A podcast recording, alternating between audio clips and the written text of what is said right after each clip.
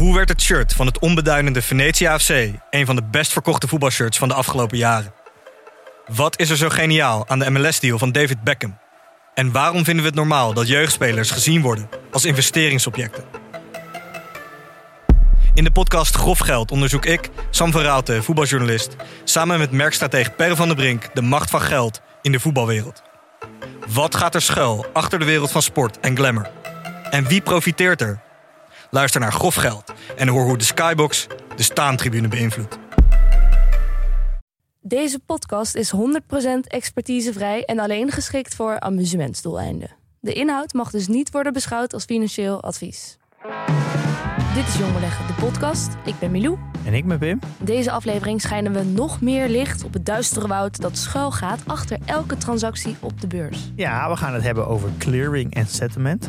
Dit keer met een expert, Jan Bart de Boer van ABN AMRO Clearing Bank. Ja, de bank die wij allemaal kennen als retailbank blijkt dus een behoorlijke vinger in de pap te hebben wereldwijd hè, op dit gebied. En ja, dat is heel erg belangrijk, want zonder clearing en settlement is handelen wel erg lastig. En waar worden al die aandelen eigenlijk allemaal bewaard? Dat is een goede vraag.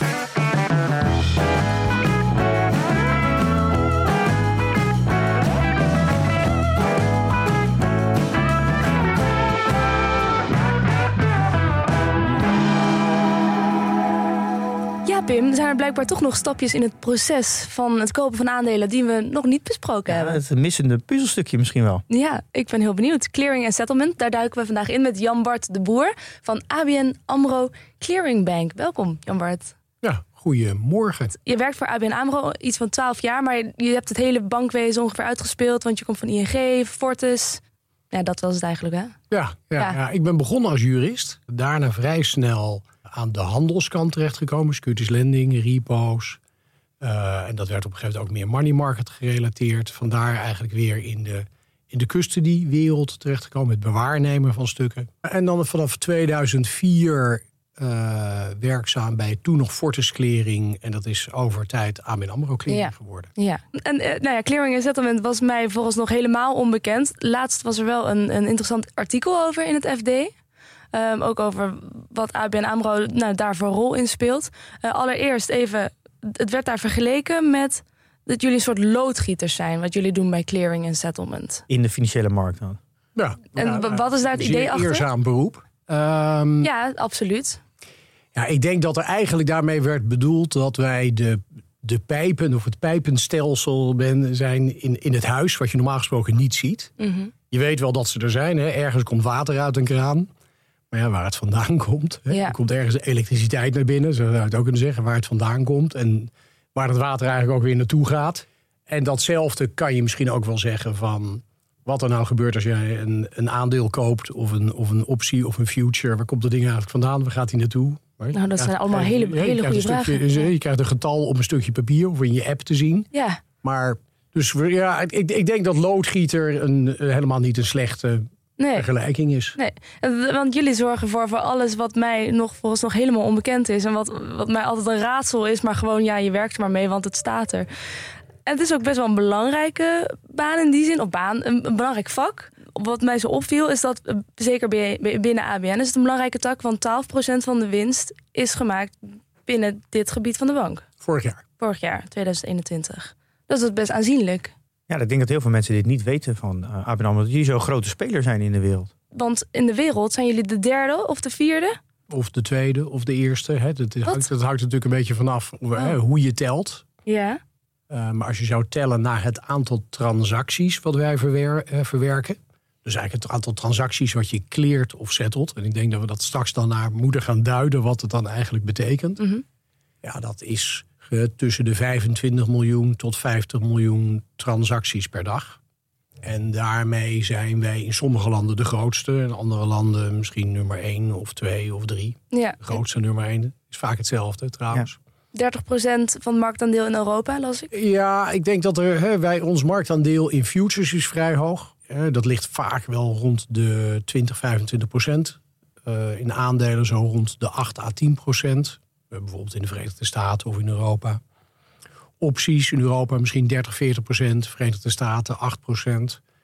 Japan, hele geconcentreerde markt. Misschien Ja. wel 40 procent. Dus het is best een belangrijke positie. Maar ik denk dat je eh, clearing en settlement is misschien wel te vergelijken met allerlei andere global technology hè, spelers. Mhm. eh, waar het toch echt wel gaat om, eh, als je voldoende groot bent, blijf je groter worden. Ja. Het is eigenlijk een beetje de power law die je sowieso in technologie ziet natuurlijk. Je hebt eenmaal, Ja. eenmaal de grootste bent, dan heb je steeds meer data, kan je het efficiënter doen. En dan is het heel moeilijk om nog eh, ingehaald te worden. Ja, want wij zijn dus eigenlijk ook eh, evenzeer een technologiebedrijf als een bankair bedrijf. Ja. Dat geldt natuurlijk eigenlijk voor de meeste banken tegenwoordig. Hè, maar in ons geval, ik denk dat toch wel de helft van onze staf is technologie of Oh ja. technologie-related. Ja. Maar, maar eigenlijk, eh, dus eigenlijk de soort van de, de, de beredenatie waarom jullie de grootste zijn, is vooral omdat jullie dan een van de eerste zijn die ermee begonnen zijn? Ja, ja wij, zijn, wij zijn opgegroeid samen met een aantal klanten. En als je in Europa kijkt, hè, wij, wij begonnen nou, letterlijk 40 jaar geleden. Hè, dit jaar vieren wij ons 40-jarig jubileum. En we begonnen met een handjevol mensen die dus een clearingdienst leverden voor toen nog de European Option Exchange. hè, De eerste optiebeurs die in Europa kwam.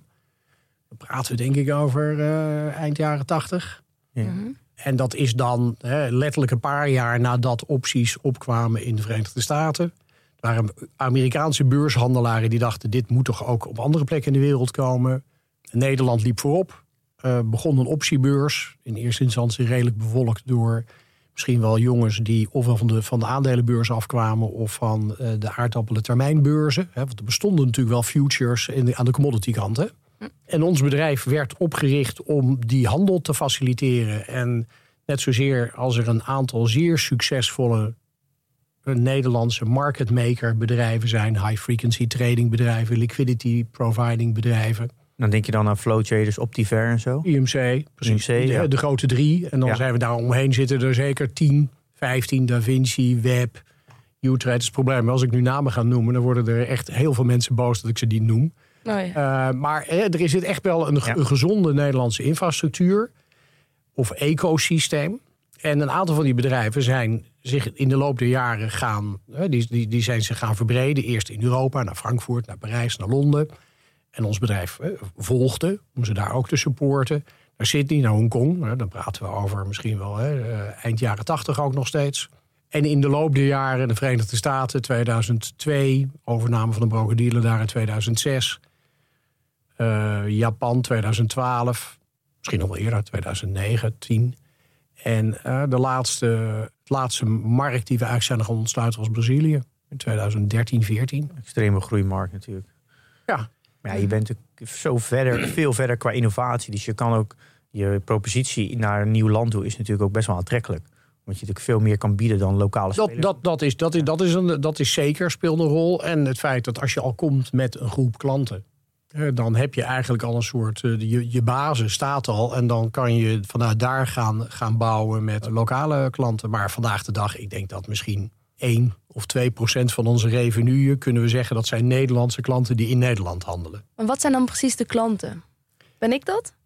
Nee, Nee, hè? nee, nee, nee, nee. Ja, eigenlijk wel, indirect. Indirect wel. Indirect ben jij, ben jij klant. Dus is mijn broker eerder een klant dan ik? Ik denk dat je, wij, onze klanten zijn eigenlijk de, dat zijn drie groepen. Je hebt dan die proprietary trading firma's. Eh, De partijen die eigenlijk de helft van de, de beurshandel zijn. De mensen die altijd de liquidity provider zijn in opties of futures of in aandelen waar eigenlijk iedereen tegenaan handelt. Dus de market makers. Zeg. De market makers.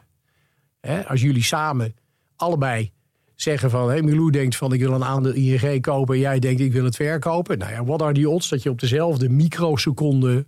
Ja. hè, op de knop drukt en ook nog elkaar weet te vinden op prijs, tijd, Ja. quantity. Nee, Ja. daar zit iemand tussen. Die dat voor eigen handel, hè, eigen re- rekening en risico doet. En die wordt dan weer gesupport door ons. Ja, oké. Dat is de ene groep. Mhm. Dan hebben we een grote groep is natuurlijk gewoon uiteindelijk de, de real economy. Hè? De bedrijven die echt risico's moeten afdekken in rente, commodities. Hè, daar kan je zijn, hè? dat is de, de, de, de koffieboeren, de koffie-intermediair, de graanboeren, de graansilo's, eh, de graantraders, de Gewoon metaaltraders. ondernemingen gewoon die De, de, de, de accufabrikanten, de autobedrijven. Iedereen hedgt natuurlijk zijn prijsrisico's. Ofwel in commodities, ofwel in rente, ofwel in forex. Mhm. Dus dat zijn klanten. die dus ook weer een clearer nodig hebben. Hè? Want daar komen we nog uiteindelijk naartoe. En Ja. grappig is, hè, dit- en daar daar komen we straks ook nog wel bij. Hè? Kleren zit natuurlijk heel erg vast aan zowel futures en opties en aandelen. Maar een future en een optie, die settle je natuurlijk niet, hè? Misschien, eh misschien Ja, moet dan dat moeten we straks nog in. wel even komen. Ja. Ja. Maar, Ja. en dan, eh, maar jij, dus jij als retailklant eh, van een, eh, een beleggingsonderneming, een broker. Mhm. Als jij een, een aandeel koopt, dan maak je dus eigenlijk gebruik van die onderneming of van, van die bank als zijnde jouw broker. Hè, Die, die brengt die order naar de beurs. Maar op die beurs is die order natuurlijk maar een, eh, een paar seconden of een paar microseconden. Dan wordt die gematcht en dan valt hij direct eigenlijk uit die beurs. Daar blijft hij niet meer. De beurs is niet jouw tegenpartij. Nee. Je handelt ook anoniem op die beurs. Je hebt geen idee met wie jij handelt. Ja. Het is gewoon een marktplaats. Dat is een marktplaats, ja, maar eh, bij marktplaats weet je nog van... ik heb verkocht aan Piet uit Wanningsveen. Hier weet je dat helemaal niet. En je weet ook eigenlijk niet of je hebt gehandeld tegenover een, een, een Ja. Nederlandse belegger... of een, of een, een Amerikaanse belegger. Ja. Even tussendoor, ik weet niet wat ze in het gebouw aan het doen zijn... maar af en toe horen we een soort van karretje langs Spoken. de muren. Of spoken, het kan ook. Maar eh, dat kunnen we eventjes negeren voor nu. Dus jij, jij doet die trade. Bent dus e- eigenlijk voor een seconde via jouw broker... je bent niet rechtstreeks klant van de beurs. Hè. De broker is daar aangesloten en, en die brengt jouw order daar naartoe. Ja. En dat is eigenlijk, dat noemen we bijna onder een soort lastgevingsmodel. hè. Want Het is niet dat hij het eerst aan jou verkoopt en dan doorverkoopt naar de beurs. Hè. Nee. Hij brengt die order daar naartoe. Ja. is niet jouw tegenpartij van de trade nog. Dan wordt die, die transactie, eigenlijk die gematchte transactie, doorgegeven aan wat heet het clearinghuis. En het clearinghuis is nou ja, misschien wel te vergelijken met een onderlinge waarborgverzekering. Vroeger noemden we het de liquidatiekas. Het komt oorspronkelijk eigenlijk uit de derivatenwereld. En eigenlijk in de cash equity wereld is het relatief jong. Dus misschien moeten we ons nu eerst maar even vasthouden aan de derivaten. Oké. Voordat we over de, over de aandelen en de obligaties gaan praten. En als mensen het nu al kwijt zijn, ja, dan spijt het mij. Nee. Dan moet je gaan meetekenen. Ja, Ja. Bij, bij een derivaat, ja, en derivaten bestaan natuurlijk al ongeveer 100 of 150 jaar, was het altijd al zo dat men dacht er is behoefte aan een soort onafhankelijke partij in het midden, die ervoor zorgt dat partijen hun verplichtingen nakomen. Want hè, dat derivaat werd bedacht, hè, de eerste, eerste futuresbeurs was een graanbeurs Mhm. in, eh, in, eh, in de Verenigde Staten. in Chicago toch? Chicago. Hè? En dan praten we echt over 1848, 1850. En daar zat natuurlijk al heel snel in dat als de ene boer tegen de, de andere boer of tegen de andere bank zei van... Goh, eh, jij geeft me over drie maanden, over zes maanden een vaste prijs op mijn bushel eh, graan. Ja, dan gaat de mensen dan denken, ja, dat is dan ga je leuk. Maar hoe weet, ik, hoe weet ik nou zeker dat die meneer of mevrouw er over drie tot zes maanden nog steeds is? Ja. Maar kan je dat vergelijken met een soort van escrow-achtige en notaris-achtige principe als je een huis koopt? Dat je een soort van tussenpersoon hebt die je Dat kan dat- vertrouwen? Dat zit er wel een beetje in. Hè? Een tussenpersoon die je kan vertrouwen, daar begint het al mee. Hè? Dat, je dus de, hè? dat is niet dus een andere partij dan eigenlijk de partij met wie jij de trade hebt gedaan. Derde dus eigenlijk, ja. Een derde.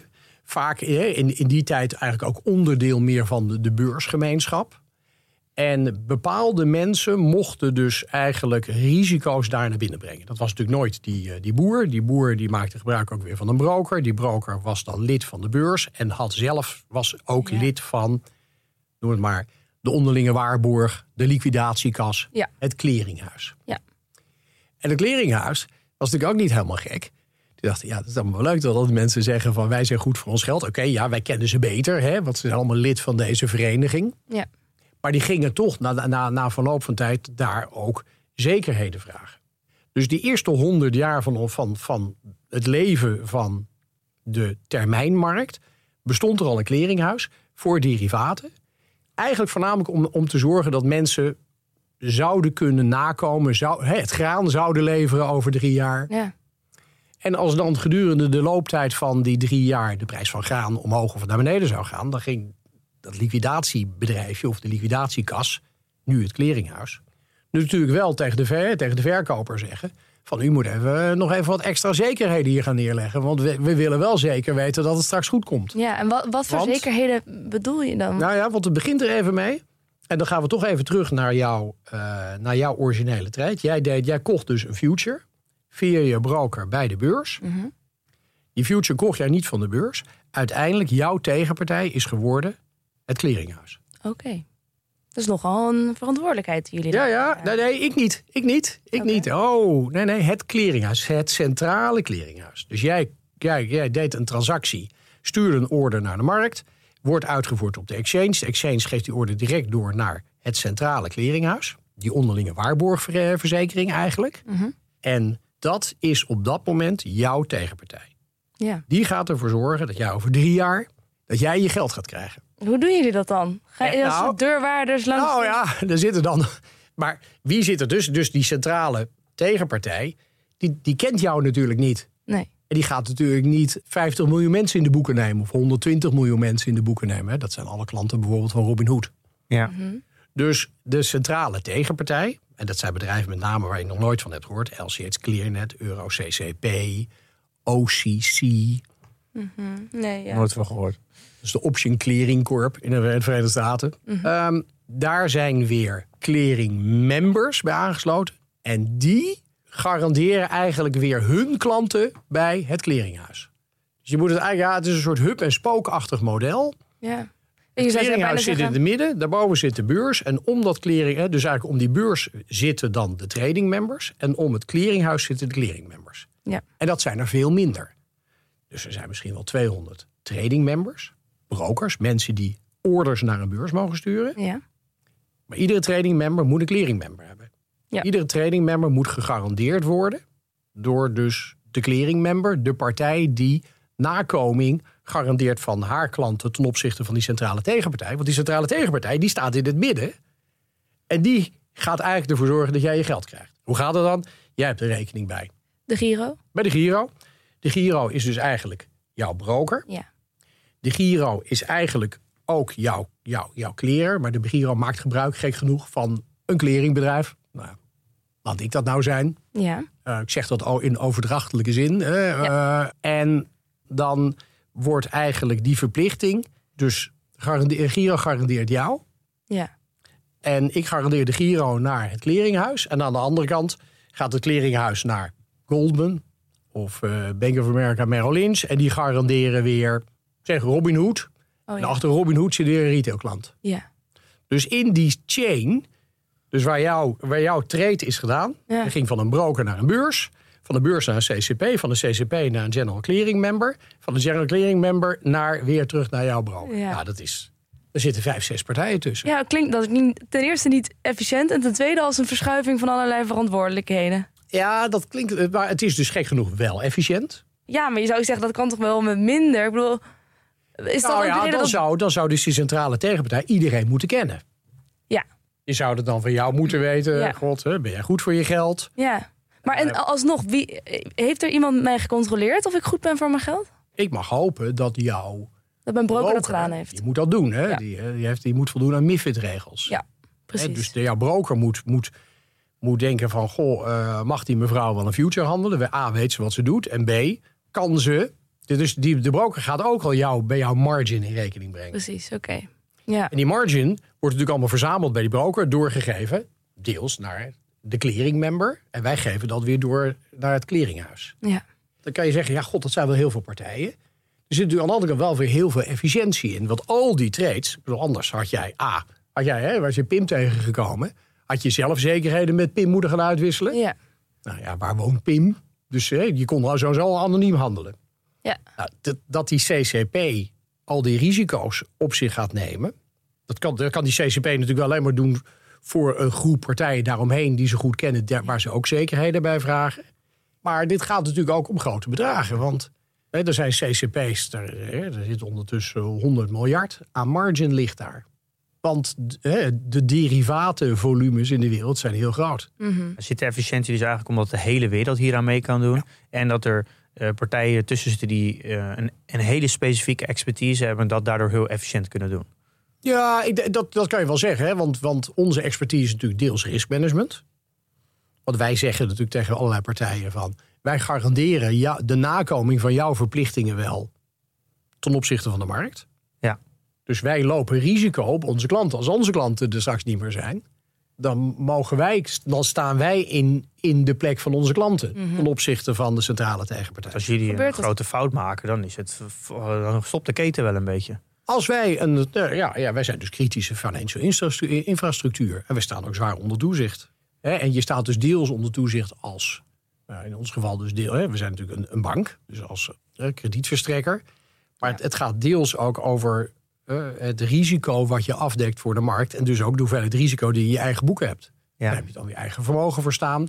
En wij plaatsen dus deels de zekerheden door van onze klanten naar die centrale tegenpartijen. Maar die centrale tegenpartijen, dat zijn natuurlijk ook ongeveer 30 of 40 over de hele wereld.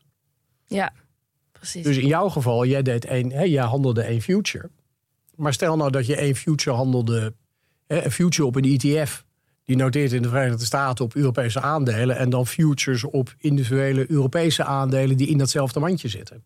Dan zijn dat verschillende markten, verschillende CCP's, verschillende risicopoelen. Maar in jouw portefeuille is dat eigenlijk, ben je glad. Mhm. Je bent gehedged. Wat een werk, man. Alleen die hedge zit natuurlijk over de hele wereld in verschillende Ja. riskpoeltjes. Er zijn allemaal mensen die zich daarmee bezig zitten te houden. En daar zijn dus ongeveer duizend mensen in ons bedrijf die zich daarmee bezighouden. Ja. Ik, als ik dit zou horen, zou ik bijna zeggen... we moeten stoppen met handelen in futures. Wat een energieverspilling is dit. Nou, nee, nee ik, ik zeg niet dat. Nee, wat, Het is ook zeggen, wij verwerken dus 50 miljoen trades met, die- met, met duizend mensen. Ja. Ah, Ja. Dat gaat eigenlijk best wel efficiënt, ja. toch? Ja, het gaat best efficiënt. En, en, Ja. en als je een efficiënte kapitaalmarkt wil hebben, moeten mensen frictieloos of zo meer of zoveel mogelijk frictieloos met elkaar kunnen handelen. Ja. En waar zit dan de frictie in? Het feit dat je risico op elkaar loopt, het feit dat er betaald moet worden uiteindelijk. Eigenlijk gewoon frictie in het gebrek aan vertrouwen in elkaar. Je kan er niet van uitgaan dat iemand anders het geld heeft. Ja. En je wil gegarandeerd worden dat het goed komt. Ja. Ga- gaat, het, gaat het vaak fout? Dat, dat, dat er Het niet gaat, garant... het gaat, het gaat regelmatig fout, ja. Ja. Want er zijn natuurlijk regelmatig mensen die niet kunnen voldoen aan hun verplichtingen. Bedrijven die niet aan hun eh, verplichtingen kunnen voldoen. Hoe goed je ook gekleerd hebt. Hoe goed wij dus ook ons risicomanagement hebben gedaan. Of hoe goed ook die centrale tegenpartij. De centrale tegenpartij, wat vroeger eigenlijk een soort de, de onderlinge waarborgverzekering was. Ja, da- daar is wel eens schade. Ja. Dus, Die eh, ja. calculeren dat natuurlijk gewoon in. En daar zit Altijd natuurlijk- een percentage is dat natuurlijk niet. Als een soort krediet. Ja. Een soort, soort verzekeraar. Het is misschien ook wel, ja, ik weet niet helemaal zeker of je. Het, het- is een deel, is het een soort. Hè, wij, eh, deels natuurlijk, wij garanderen de nakoming. Ja. Niet helemaal zeker of je daar dan een verzekering in, verzekeraar in bent. Maar het, het speelt wel een rol. En ik denk dat, eh, terugkomen op jouw opmerking. Jeetje, jeetje, moeten we dan nog futures handelen? Ik ben soms heel radicaal. Nou ja, je hebt nog met niets gegooid. Ehm, het is natuurlijk wel zo dat aan die, aan die derivaten eh, k- kant van het spectrum is het heel erg ingegeven geweest door tegenpartijrisico. Wat je dus weet over te dragen. En daar komt deels ook wel efficiëntie uit. Was het maar omdat je anders allerlei stukjes papier hebt de hele wereld. Aan de effectenkant is het gek genoeg veel meer een efficiëntieslag geweest. Die ook heeft geleid tot meer zekerheid. Want aan de aandelenkant, hè, ik zei dus ook al eerder van, goh, hè, aandelen, eh, CCP's bestaan pas sinds, eh, nou ja, wat zal het zijn, midden jaren 70, eind jaren 70. Mhm. Aandelen waren natuurlijk stukjes, eh, stukjes papier vroeger, die je gewoon in de kluis had liggen. Weten jullie eigenlijk wanneer die ooit, wanneer, we, wanneer dat stukje papier een stukje, een, een nummertje is geworden op je bankafschrift? Nee. Ik, wist, ik dacht ook dat er nog steeds fysieke stukken ergens lagen. Ja, er ligt er één. Eén, één, dat heet dan de Global Note ING, één aandeel. Hè? En die is onderverdeeld. En dat, ja, dat is een, het is een woord wat ik bijna niet kan uitspreken. Het is dematerialisatie, Ja. is wat er gebeurd is. En dan praten we echt over ook weer jaren, jaren 70. Ja, jaren 70, eh, jaren 80. Dat is waar er bedacht is, we gaan de aandelen en de obligaties giraliseren. Wat is We dat? kennen nog Gia van de Giro. Vroeger was Ja. dat, eh dan kon je, had je rekening met de Giro. Ja. En dat was eigenlijk meer, we gaan ze dus in een systeem zetten. Om digitaliseren. We gaan het digitaliseren, zou het, wo- het woord tegenwoordig zijn. Ja. En die aandelen zijn niet meer allerlei stukjes papier die in kluizen liggen en met couriers van links naar rechts gebracht worden. Want vroeger was het zo, je kocht een aandeel en dan moest je een week wachten of Ja. twee weken wachten of een maand wachten. Ja, over efficiëntie gesproken. Ja. Ja. En dat was natuurlijk heel duur. Maar dan dachten mensen, god, een maand risico lopen. Vroeger ging alles natuurlijk veel langzamer. Dat durfde nog wel. Mhm. Maar dan, dan moest je natuurlijk wel hopen dat ze bij die bank dan op de juiste plank lagen. Hè? Dat is ook nog wel eens misgegaan. Dat ze kwijt zijn. Nou ja, dat ze of kwijt waren of dat ze eigenlijk op de stapel van de bank lagen. En dan ging de bank failliet. En dan zeiden de mensen, we zijn aandelen. En Oh ja. ja, eh, ja, Weg. echt. Uh, Dus dat is... het liet de deur openstaan, het papier de waarde weg. Ja. Dus, dus dat, Helaas. dus, hè, maar, maar hè, dat, dat, Ja. dat, dat was natuurlijk best wel een inefficiënt model. Mhm. En bij het giraliseren werd het dus ook mogelijk om. Hè, toen, toen kwamen dus eigenlijk alle effecten in één groot computersysteem te hangen bij wat dan heet de centrale bewaarplaats. Is dat een soort van custodian? Dat is dan eigenlijk de, ja, de, de De- centrale. de alweer, hè, het woord centraal komt weer terug. De centrale securities depository. Ook daar zijn weer banken aangesloten. Dat zijn dan de custodians. Je hebt dus één.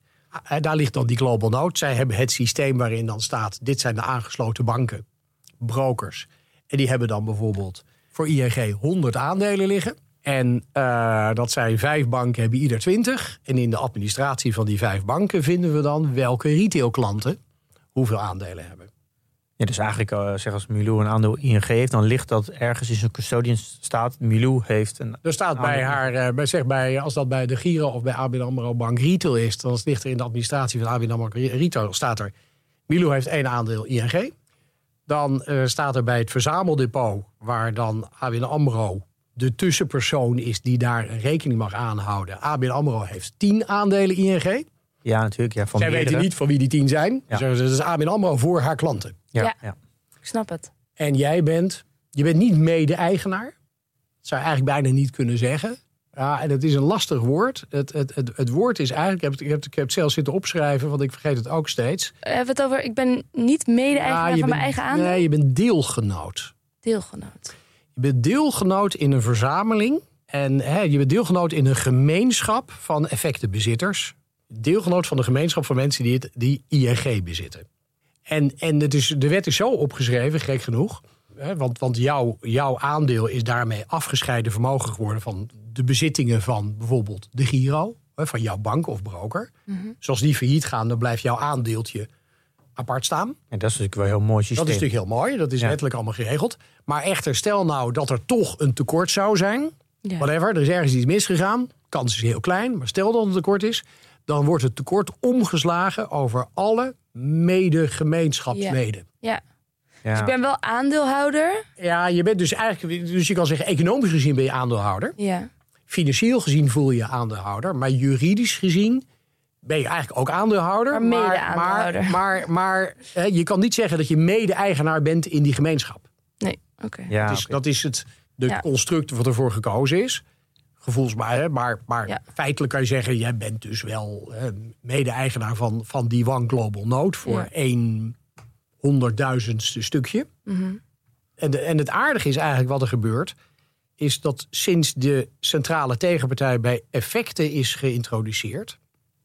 we dus krijgen dat die, ja, jullie handelden dus met elkaar een aandeel ING op de beurs. Hè, anoniem, via jullie brokers. Maar er zijn natuurlijk honderdduizend mensen die op die dag ING verhandelen met elkaar. In allerlei verschillende shapes en vormen en allerlei verschillende aantallen. En ook met allerlei verschillende. En dat zijn dus zeg, eh, laat dat 50 partijen zijn. Verschillende prijzen ook. Het zijn er 200. Al die trades die donderen naar die centrale tegenpartij. En die gaat het s s'nachts lekker allemaal door elkaar husselen. En die creëren dan, en dat heet dan multilaterale netting. Dus in plaats van dat al die banken in ieder aandeel met elkaar hè, zeggen. eh, Dus zij moeten zeggen, wacht eens even, ING moest eh 100 aandelen eh, ING leveren aan de Rabo. En dan eh, moet eh, BNP 100 aandelen aan de Rabo en 50 aan de ING. En dan moet hè, dus heel veel settlements. Dat wordt dus eigenlijk allemaal gesaldeerd. Ja, ja. Dat er alleen maar netto settlements tussen eh, overblijven. Dat is eigenlijk ook Tussen al die participanten. vergelijkbaar met wie betaalt wat. Dan doe je de hele vakantie ben je allemaal aan invoeren. En op het einde zeg je in één keer die betaalt om dat en die. Dat is en eigenlijk dan het- heb je alles gezetteld. Ja, en dat, en Ja. dat betekent dus dat, dat je dus van, zeg je begon met een miljoen orders op de beurs. Dat werden eh, honderdduizend eh, transacties. En dat werden dan uiteindelijk, als het uit die CCP kwam, misschien maar duizend settlements. Ja. Ja, want dan verreken je gewoon in één keer alles op het En daarmee krijg je dus heel veel efficiëntie. Oké. Dus nu zijn we ondertussen van clearing naar settlement. En dan zijn we dus, want het verschil is natuurlijk dat een derivaat, dat, was, dat is een contract. Ja. Jij had een, een future gekocht en eigenlijk is jouw tegenpartij geworden die centrale tegenpartij. Er wordt niks geleverd, ja, behalve als je in delivery zou gaan, hè, als het een graanderivaat was. En je had ook gezegd, ik wil de mogelijkheid hebben om een vrachtwagen graan geleverd te krijgen. De meeste mensen gaan toch gewoon voor financiële afwikkeling. Ja. Maar ja, je kan natuurlijk ook gewoon een, een, een future of een optie eh, doen op wat straks de uitslag is van een voetbalwedstrijd. Ja. Dan krijg je natuurlijk niet die voetbalwedstrijd geleverd. Je krijgt niet uh, of hoeveel goals er worden gemaakt. Krijg je ook niet geleverd. Ja. Financieel wordt er afgewikkeld. Maar eigenlijk is dus een, een aandeel zou eigenlijk veel eenvoudiger moeten zijn dan een future. Ja, er zijn ook mensen die zeggen het is andersom. Want, want de, de afwikkeling van futures en opties is eigenlijk maar alleen maar... Hè, je hebt de beurs en de centrale tegenpartij. En verder voornamelijk alleen maar financiële afwikkeling... tussen clearingmembers en haar klanten. En alleen als er geleverd moet worden. Hè, we hebben ook wel eens een keer gehad dat er dan... Dat als je dat uitrekent, dan waren dat 150 vrachtwagens tin... die dan ergens geleverd moesten worden. Maar over het algemeen zeggen mensen... geef mij maar gewoon het geld. Ja, dan regel ik zelf die vrachtwagen in wel. En de kopen, ja, want, Ja. Want, want het is natuurlijk eh, de, de, financiële markten. eh, het is vrij on- onhandig om dan 150 vrachtwagens ingeleverd te krijgen. Ja, ja. En in die effectenhandel, je hebt de trade op de beurs. De CCP zit er maar twee dagen tussen. Dat is natuurlijk het grappige. Want die kan iets leveren. Want dat aandeel wat jij hebt gekocht, krijg je na twee dagen echt op je rekening. Na twee dagen. Twee dagen. Ik, als ik hem koop, dan heb ik hem toch gewoon? Ja, economisch gezien heb je hem. Mhm. Maar juridisch gezien moet hij nog geleverd worden. Waarom? Nou ja, dat heb ik. Ja, ja, ja, ja, dat ik me bijna schuldig ga voelen. Dan ga ik natuurlijk eerst zeggen. Toen ik begon met werken was het 28 dagen. Maar. Nee, oh, dat doet, eh, maar eh, op, nee, ik, denk gewoon alles is Nee, gedigitaliseerd. dus je zou zeggen, geleverd, dat gebeurt gewoon met de de Deels, om die deels toch om die efficiëntie van die multilaterale netting te krijgen. Je hebt sowieso En- één dag natuurlijk, dat je het einde van de dag verwerkt. Je Dat hebt is er al- sowieso één dag. Hè? Dus we gaan in Amerika gaan, gaan we dus nu. Dat heet trouwens. Hè, dat heet dan T plus 2. Transactiedatum Mhm. plus twee dagen. Oké. En in Amerika gaan we nu naar T plus 1. Oh, Maar Amerika is natuurlijk één land. ja. Dus in Amerika heb je een vrij grote eh, eh, kapitaalmarkt. Je hebt eh 40 eh, plekken waar Amerikaanse aandelen worden verhandeld. Je hebt misschien wel 40 beurzen. Maar die maken allemaal gebruik van dezelfde centrale tegenpartij. Ja. En de centrale bewaarplaats. En Dus die kan dat in een dag. Dus, dus jij kan eh, kopen op Bets en verkopen op Nizy. En daarna kopen op Arca en verkopen op een darkpool. En uiteindelijk, aan het einde van de dag, valt dat allemaal in diezelfde CCP. Ja. Multilaterale netting. En, en, en de dag later kan het leveren. Ja. Maar Ja. In Europa. T, T plus 1 is dus niet dezelfde dag, maar dat is de, de T, transactiedatum plus 1. plus één dag, dag. En dan heb je dus eigenlijk... Ja. Maar in Nederland hè, en in Europa zijn we nog T plus 2. Er wordt wel gesproken, moeten wij ook niet naar T plus 1? Hè? We voeren allemaal de hete adem van de cryptomarkten in onze nek. Want? Nou ja, ik kan me dat wel Eh, voorstellen. T is, T is nul. Dus het is hetzelfde, Ja. hetzelfde moment. Geen Want dat, eh, centrale daar zit de tegenpartij. zekerheid ingebouwd in, eh, in, het, Nou ja, in de niet. blockchain. Heet dat trade for trade dan of zo? Dat is natuurlijk bilateral. Ja. Dat heb je dus eigenlijk loop je risico op, de op je tegenpartij weer. Die je dan niet kent. En dan is de centrale tegenpartij een computersysteem geworden. Waar eigenlijk niemand. dan, ja. Van de blockchain. Waar dan niemand echt voor verantwoordelijk is. Wat fout kan gaan of goed. Ja. Ja, dat is Echt gek genoeg. En in, in, de meeste, nou, nou, in de meeste gevallen, ik zou je zeggen. ehm, ik ga geen namen noemen. Maar zeg maar de meeste grote crypto-platformen zijn zowel broker. als clearer. als centrale tegenpartij. als custodian. Die hebben dus eigenlijk al die functies in één. Dat Wat potentieel gevaarlijk. efficiënt is, maar aan zich ook wel weer kan leiden tot mindere uitkomsten. ja, want wie zegt dat het belang van de gebruiker... eh, als de een systeemrisico. Dat is natuurlijk wachten tot het... Nou ja, er is, de, de, de, de wetgevers hebben niet voor niets een soort onderscheid. hè. De centrale tegenpartijen zijn juist na 2008, hè, na de grote financial crisis, heel erg op de agenda gekomen bij eh, toezichthouders en ook bij politici. hè. Er Ja. is zelfs een, een G20 gewijd aan we moeten meer centrale tegenpartijen hebben. Ja.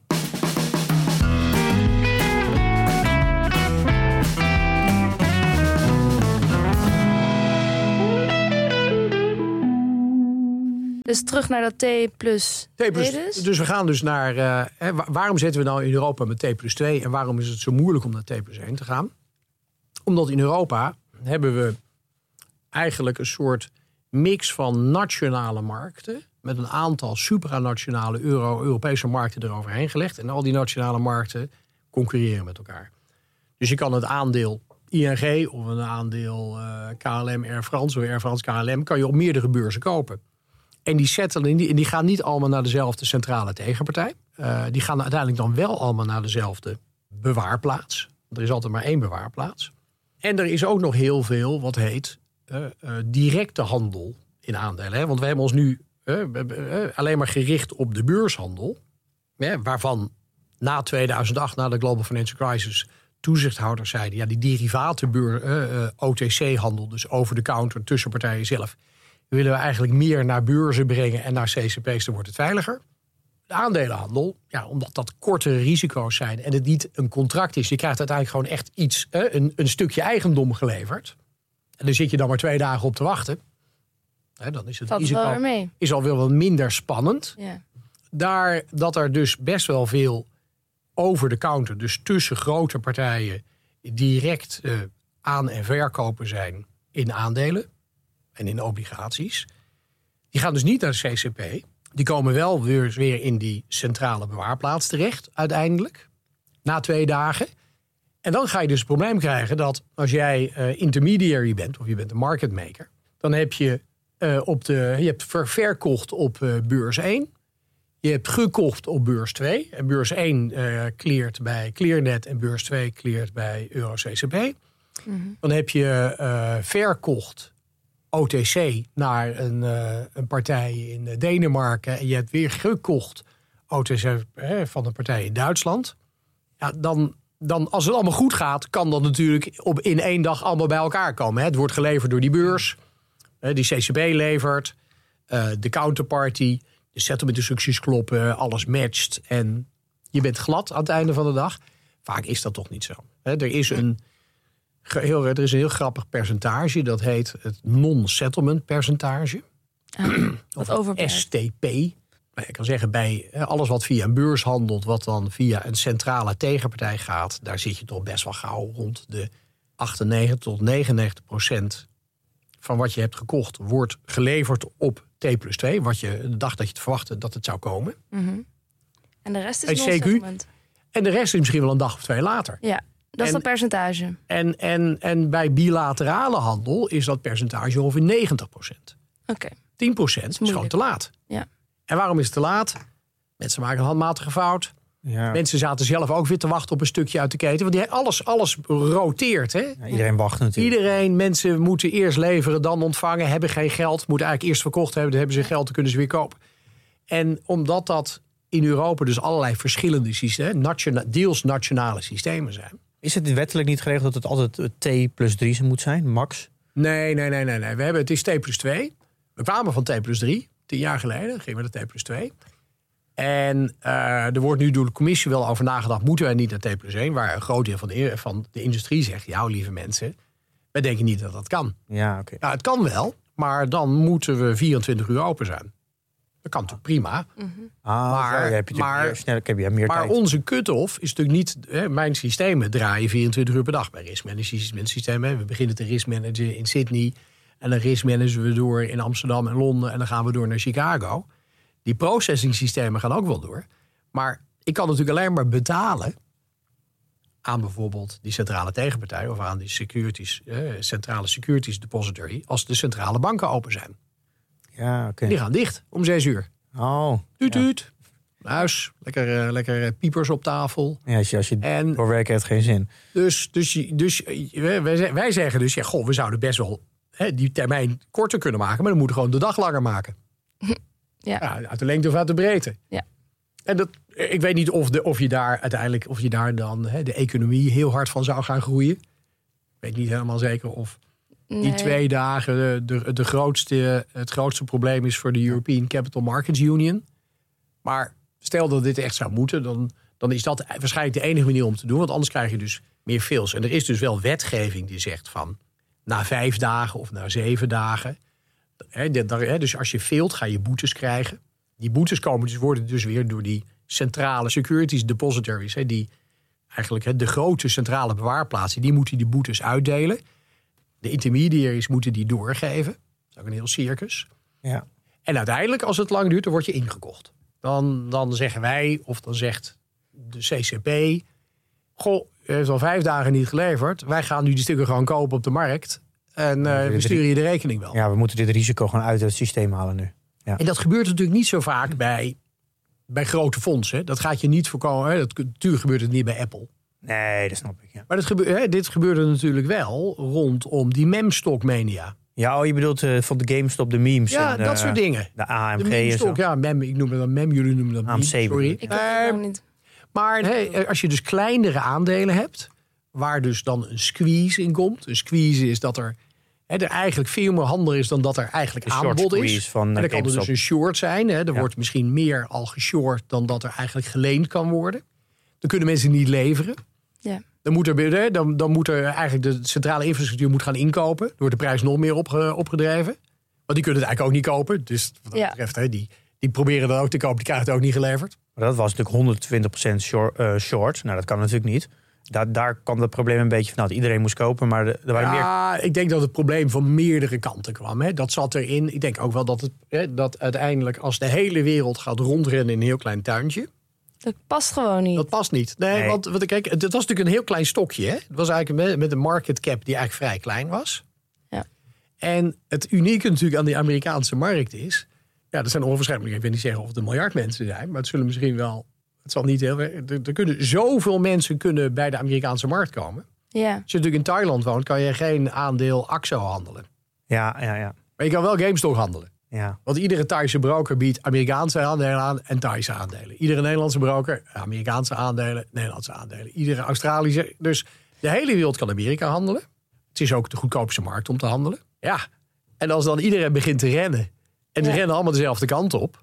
Vraag en aanbod is zo volledig, gewoon volledig uit balans. Dan is eigenlijk dat, dat- ja, hè, Ja. Een, een, een, een soort fonds waar misschien eh, op een dag een paar duizend trades zijn. Of la, la, laat het 10.000 trades zijn. Dat, dat is natuurlijk het rare wat hier gebeurt. En dat is natuurlijk ook iets voor wat voor, voor, voor toezichthouders best wel lastig is. Dat door die globalisering van de markten. Dat eigenlijk iedereen overal bij kan komen. Is dit dus natuurlijk eigenlijk een nieuw soort risico wat is ontstaan. Kan je dit historisch eens duiden? Hoe, hoe heb jij dit beleefd toen dit gebeurde? Gewoon, is, dit, is dit echt, echt iets historisch? Ik denk wel dat het historisch was. Ik denk wel dat het historisch was dat plotseling de hele wereld met z'n allen in een of andere eh, small cap begonnen rond te stampen. Want ik denk, daarvoor zat natuurlijk hè, mensen, iedereen zat in Amazon en Netflix. En, Ja. hè, en of dat dan, hè, en dat daar dan natuurlijk deels een soort kwam van eh, we geven nog de vinger aan, nou ja, of dat de shortsellers zijn of de infrastructuur. Ik Ja. heb natuurlijk dat als professional denk ik dat shortselling perfect is. Het is natuurlijk gewoon een, een- hele goede manier om een soort balans te hebben Ja. in de markt. En eh, te zorgen dat zowel hè, alle sentimenten gehandeld kunnen worden. Ja, natuurlijk. Ja. En, en, en hoe gaat short gaan? Hè? Je verkoopt dus iets eigenlijk wat je niet hebt. Nou, dat kan je doen deels door een derivaat. Dat, daar kan je dan weer een future of een optie voor gebruiken. Of fysiek, wat natuurlijk de meeste retailklanten niet kunnen, maar professionals wel. Je ver- verkoopt iets wat je niet hebt en dan leen je dus aandelen van iemand anders die ze wel heeft. Want je moet wel leveren, daar hebben we net over gesproken. Ja. Hè? Ja. Je verkoopt ze op de beurs. dagen. Ja. Twee dagen later moeten ze wel bij de CCP komen, want die moet ze doorgeven naar de CSD. De partij die, die gekocht heeft, moet wel geleverd krijgen. Ja.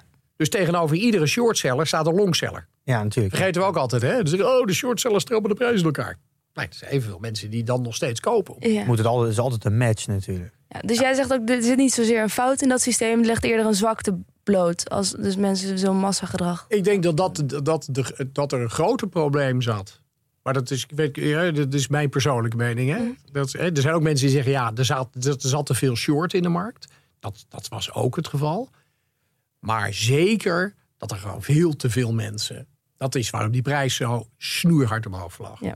Want dat is, dit Iedere is, Tom, Dick en Harry ging dat aandeel kopen. Ja. eh, Netflix heeft hier een eh, documentaire over gemaakt, voor mij drie afleveringen. En daar zie je ook dat, ja, dat gewoon gewone retailbeleggers die gewoon eten bezorgen of in de supermarkt werken, in één keer de hele dag door GameStop aan het kopen waren. Het, is, Ja. het, gewoon, het bereikte iedereen. Maar ook vanuit Thailand. Ja, iedereen. Gewoon Eh, overal dat is ter natuurlijk wereld. bizar. ja. Ook vanuit Japan, hè? ook Ja. vanuit Nederland, ook vanuit Australië. Ja, ik ken het- mensen die dat hebben Dat is natuurlijk het unieke hier aan, de, aan het geval. Hè? En, en dat is dus wel, je kan natuurlijk zeggen als, als financiële, je kan ook zeggen als marketinfrastructuur of als economie. Als loodgieter. Nou ja, maar ook als economie zou je eigenlijk willen nastreven dat de hele wereld bij jouw kapitaalmarkt kan komen. En dat is natuurlijk deels iets wat, wat weer wij moeten regelen. Die Thaise broker kan alleen maar die Thaise retailklanten naar, naar Europa brengen als ze een broker weten te vinden hier. Dat moeten wij dan zijn. Dan Ja. moeten ze een clearing member vinden. Dat moeten wij dan weer zijn. Ja. Dan moeten wij efficiënte pijpen bouwen naar ze. Dat ze het nog steeds ook nou ja, hè, niet veel duurder hoeven te doen. Of dat het nog steeds maar voor een paar cent kan. Hè, want dat is ongeveer deze wereld. Alles is maar een paar cent. Ja. Dan zorg je dat je natuurlijk een soort liquide markt houdt. Of een, of een, hè, want dat is eigenlijk wat we, wat we nastreven. Iedere euro die we natuurlijk als Europeaan beleggen in Amerika... is natuurlijk misschien leuk voor het rendement... maar is niet perfect voor onze eigen economie. Wat is, wat die, interessant. Je gaf net aan dat als Milou dat aandeel kocht, dat, hij dan, Ja. dat het dan ongeveer drie dagen duurt. Maar zij ziet het wel direct natuurlijk in haar Ja. broker. Dus ja, je, twee, twee dagen. Twee dagen. Je ziet het, omdat je uiteindelijk iedere broker geeft jou eigenlijk je economische positie. Ondanks het feit dat dat ding nog niet geleverd is. En dat is natuurlijk deels om het voor jou inzichtelijk te maken wat er met je risico gebeurd is. Ja.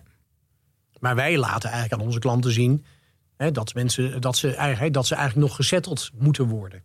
Ja, alles wat er met het, met het aandeel in de tussentijd gebeurt in die twee dagen, eh, dat is wel, dat staat op mijn rekening. Dat, Want de, de, bijvoorbeeld de corporate actions dan, die, die moeten natuurlijk wel naar Milou toe. En, want die corporate actions worden verwerkt via de custodian. Ja, de centrale tegenpartij ook weer. Want die weet natuurlijk wie. ah, hè, Die moet dan eigenlijk die corporate actions weer verrekenen tussen de kopers en de verkopers. wat bedoel je met op- corporate actions? als er een dividend valt. Dat is Ja. bijvoorbeeld een corporate action, Ah ja, ja. Of als, maar ook als er dan plotseling een stoksplit komt. een emissie of... eh, Dat zit allemaal. Dat, dat doet die CCP op dat moment ook. Ja. En die wikkelt dat eigenlijk deels weer af naar die clearing members, die dat dan weer naar jou afwikkelen. Ofwel, die de- wikkelen dat ook weer af naar de centrale, tegen, eh, centrale bewaarplaats. Oké, dus je hebt trade day, dan gaat daar tijd Dan heb je dus, tussen. en dan heb je settlement day Dan wordt er gecleared en het einde is de settlement day. voor aandelen en obligaties. Oké, En ETF'en en warrants. Oké. Niet voor opties en futures. Trade date. En die zijn eigenlijk, die Ja. worden, die zijn, die zijn hetzelfde moment op, en die zijn vanaf echt dezelfde microseconde ongeveer. Hm. Worden ze door de exchange naar het clearinghuis gestuurd en die liggen daar. Ja. Klaar. En er zit daar dan niet actief één iemand te kijken naar is dit clear? Dat gebeurt allemaal automatisch. Alles, ja, ja, ja. Ja, ja, ja. ja. Wie betaalt er nou uiteindelijk dan voor? Want ja, jullie moeten ook betaald worden, lijkt me. Ja, ik. Via de Giro. ja, De broker ja, die... ja, jij betaalt eigenlijk... ehm, hè, als je natuurlijk een effectenrekening hebt... dan betaal je waarschijnlijk iets van safekeeping fees. Mhm. Je betaalt waarschijnlijk een transactievergoeding. Ja. En in die transactievergoeding zitten dus deels dus de, kosten, hè, de kosten van de beurs. Ja. De kosten van de broker. En die van De jullie. kosten van de CCP. Ja. En de kosten van ons. Dus gratis handelen, dat kan ook helemaal niet. Nou ja, gratis handelen. eh, nee, het is nooit gratis. Maar je kan hè, dus in payment for order flow heb je gewoon het voordeel dat iemand anders er graag voor wil betalen. Maar dan zeg je eigenlijk dat als, het, als, het, als jij dus niks betaalt als belegger, maar de broker moet dat wel allemaal betalen. Want die, alle kosten die je net Ja. opnoemt. Dus dat betekent dat ze dus op een andere manier dan aan je verdienen. En dat is dan voor payment for order flow. Ja. Wat, eh, wat vind je daarvan? Ik denk niet dat ik dat. Ik vind, nee, ik ben daar tegen. Want in eh, de AFM is daar ook heel duidelijk op Ja. tegen. Ja, de meeste Europese toezichthouders zijn er tegen. Daar Behalve. Duitsers. Eh, Dat het niet in Amerika is de SEC ook niet tegen. Omdat het belang van de gebruiker uiteindelijk niet voorop staat.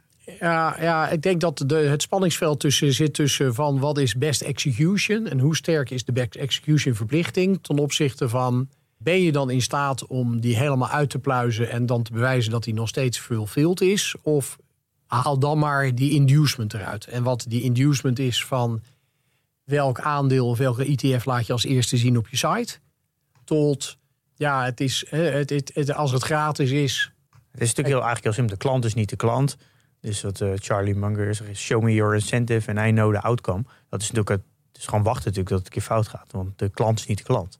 Wat bedoel je daarmee? De, de klant is natuurlijk degene aan wie jij als broker de, de orders verkoopt. Dat is jouw klant, want daar verdien je geld aan. Dus Ja. je, jouw belang ligt op lange termijn uiteindelijk bij jouw klant. Dat is degene die de orderflow koopt. Ja. Want dat, dat is degene die zorgt voor dat jij het licht aan kan doen en je personeel Ja. kan betalen. Dus er gaat een keer een moment komen dat je echt in een kritieke situatie komt. En dan kies je altijd voor degene die jouw brood betaalt. En dus niet voor jouw Ik denk, dat, klanten. ik als- denk dat dat is deels Dat- de dat is het. redenatie van Ja. de mensen die tegen zijn. De mensen die voor zijn, die zeggen dan kijk eens, eh, ik geef eigenlijk altijd price improvement. Dus dat is de argumentatie. Dat zegt de BaVin, zegt dat. Van, ja, het is er, ik, wij kunnen bewijzen dat... Ja, die hebben dat voor- helaas alleen maar wel met een beperkte dataset gedaan. Namelijk alleen maar een dataset waarin ze de prijzen vergeleken tussen wat er op Duitse beurzen gehandeld werd en op dan een van die platformen. Ja. Dus die keken niet naar echt concurrerende beurzen. Al hebben de Duitsers natuurlijk niet zo'n heel goed track record... als het eh, gaat om die financieel toezicht. Ja, ja, ja. Nou ja, ik denk dat. dat eh, daar zeg ik niks over. Nee. ik Eh.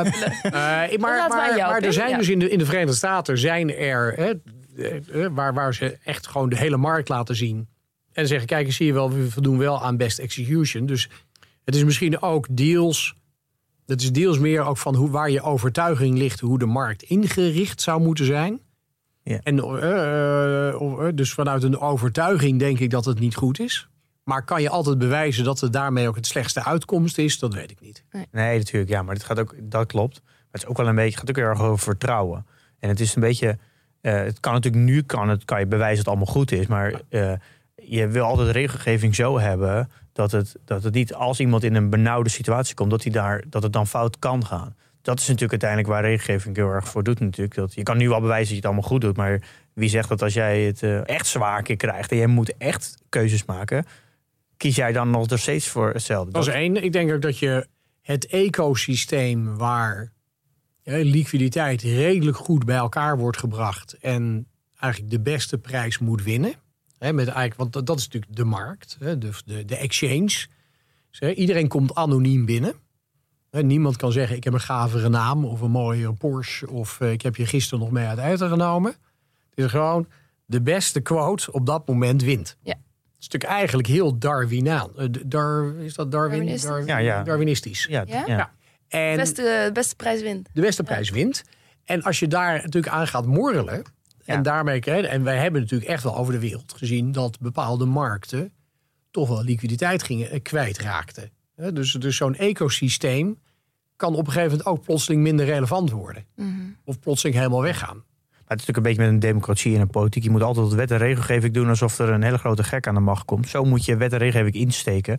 En niet doen alsof als er alleen maar goede mensen zitten daarop gaan baseren. Niet te naïef zijn. Ja. Ja. Dus, eh, ja, ik had misschien nog, nog één vraag over die, die corporate actions. Zeg dat een, zeg een ING die, die besluit nu om een extra interim dividend uit te geven. Eh, Ja. Dat is, wordt besloten vanuit het management. Ja. Hoe, gaat dat, dat proces, hoe komt dat dan uiteindelijk bij Milou terecht? Dat geld wordt, wordt dus betaald eigenlijk naar die centrale bewaarplaats. Dus, maar de, de ING geeft dan door aan de centrale Ja. bewaarplaats. Wij hebben nu een interim dividend. Ja, dat gaat via een betaalbank. Die betalen dat dan aan. Ze hebben waarschijnlijk hun eigen betaalbank.